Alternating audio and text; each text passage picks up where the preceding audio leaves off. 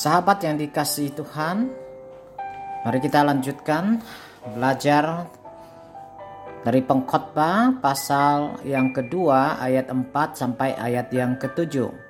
Kesenangan duniawi adalah sia-sia. Mari kita berdoa. Bapa kami datang kepadamu kami memohon engkau membuka hati dan pikiran kami untuk menerima kebenaran firman-Mu. Berkati hambamu yang akan menyampaikan dan setiap kami yang mendengarkan. Dalam nama Tuhan kami Yesus Kristus kami berdoa. Amin. Sahabat yang dikasih Allah, kita lanjutkan mencari pesan Allah untuk kehidupan yang tidak sia-sia dalam kitab pengkhotbah.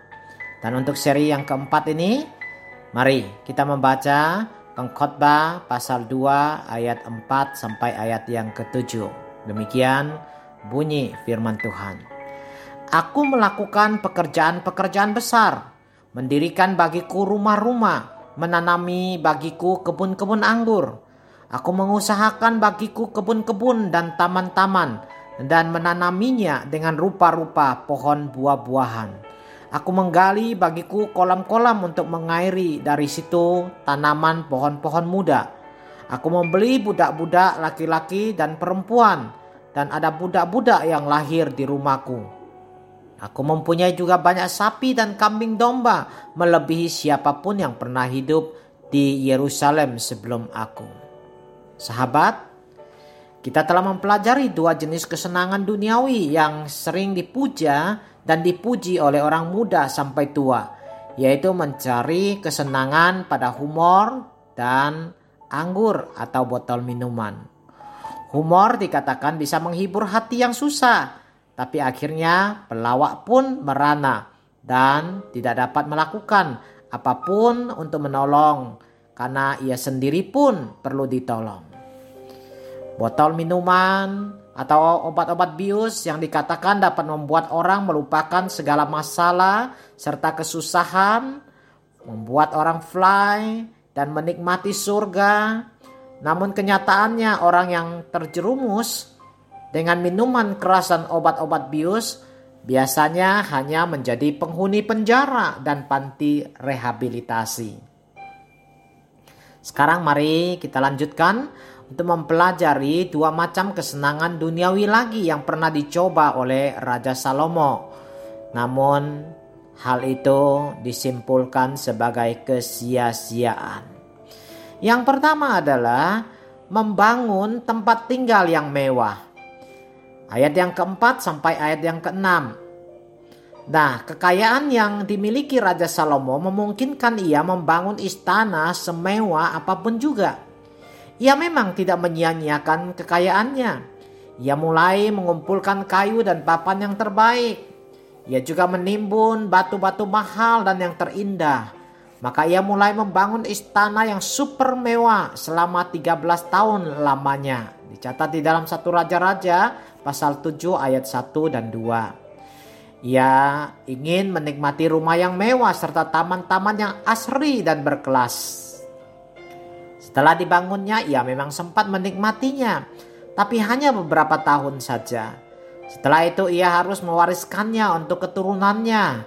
Paranya, keturunannya pun tidak dapat menikmati dan mempertahankan istana atau rumah mewah yang telah dibangunnya.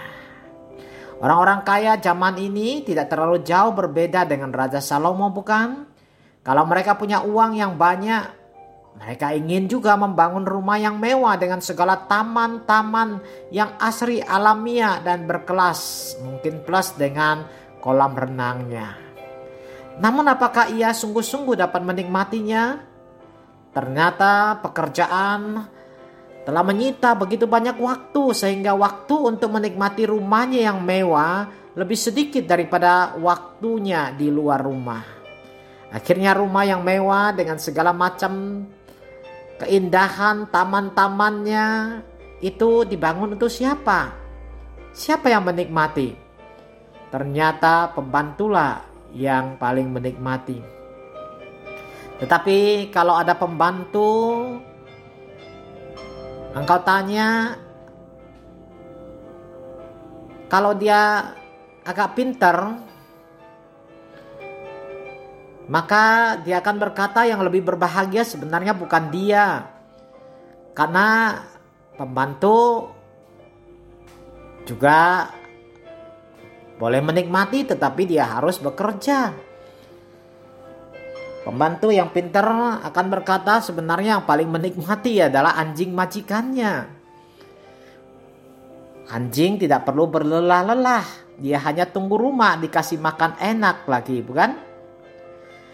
Nah kalau Tuhan memberkati sahabat dengan kekayaan dan sahabat dapat membangun rumah yang mewah dengan segala tamannya yang asri dan berkelas, jangan pernah terlalu berharap untuk bisa menikmati rumah yang mewah di dunia ini selamanya. Sebab semuanya itu hanya bersifat sementara. Banyak orang kaya yang berencana, saya kerja dulu, cari uang yang banyak, buat rumah yang mewah, Nanti setelah tua saya akan menikmati semuanya.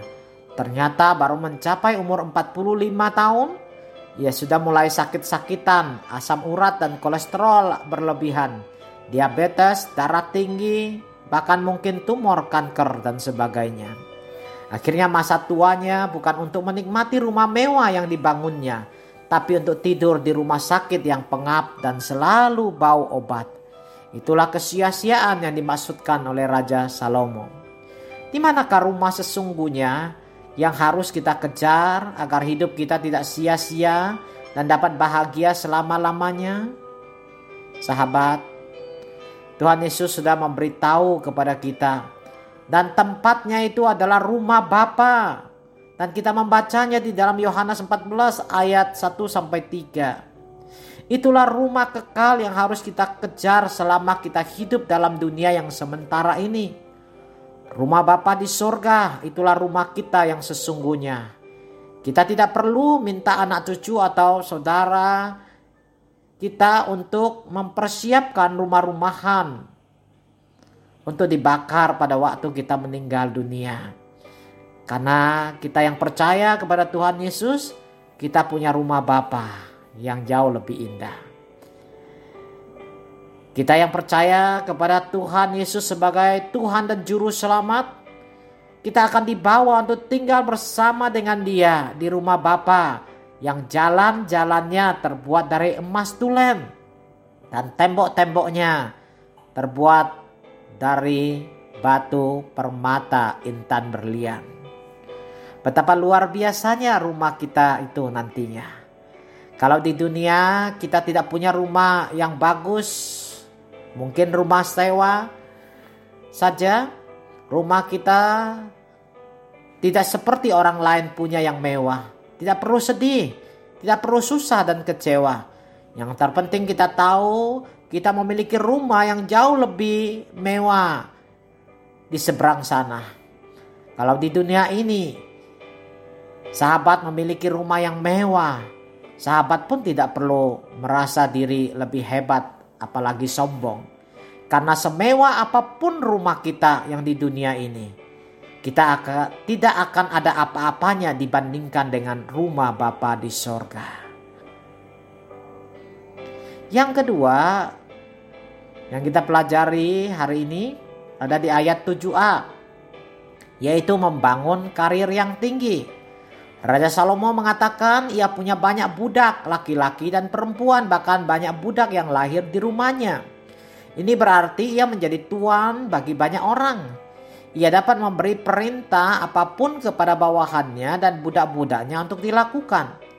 Zaman dulu budak adalah orang-orang yang dibeli secara jasmani dan rohani untuk bekerja dan tidak punya hak untuk menolak atau melawan.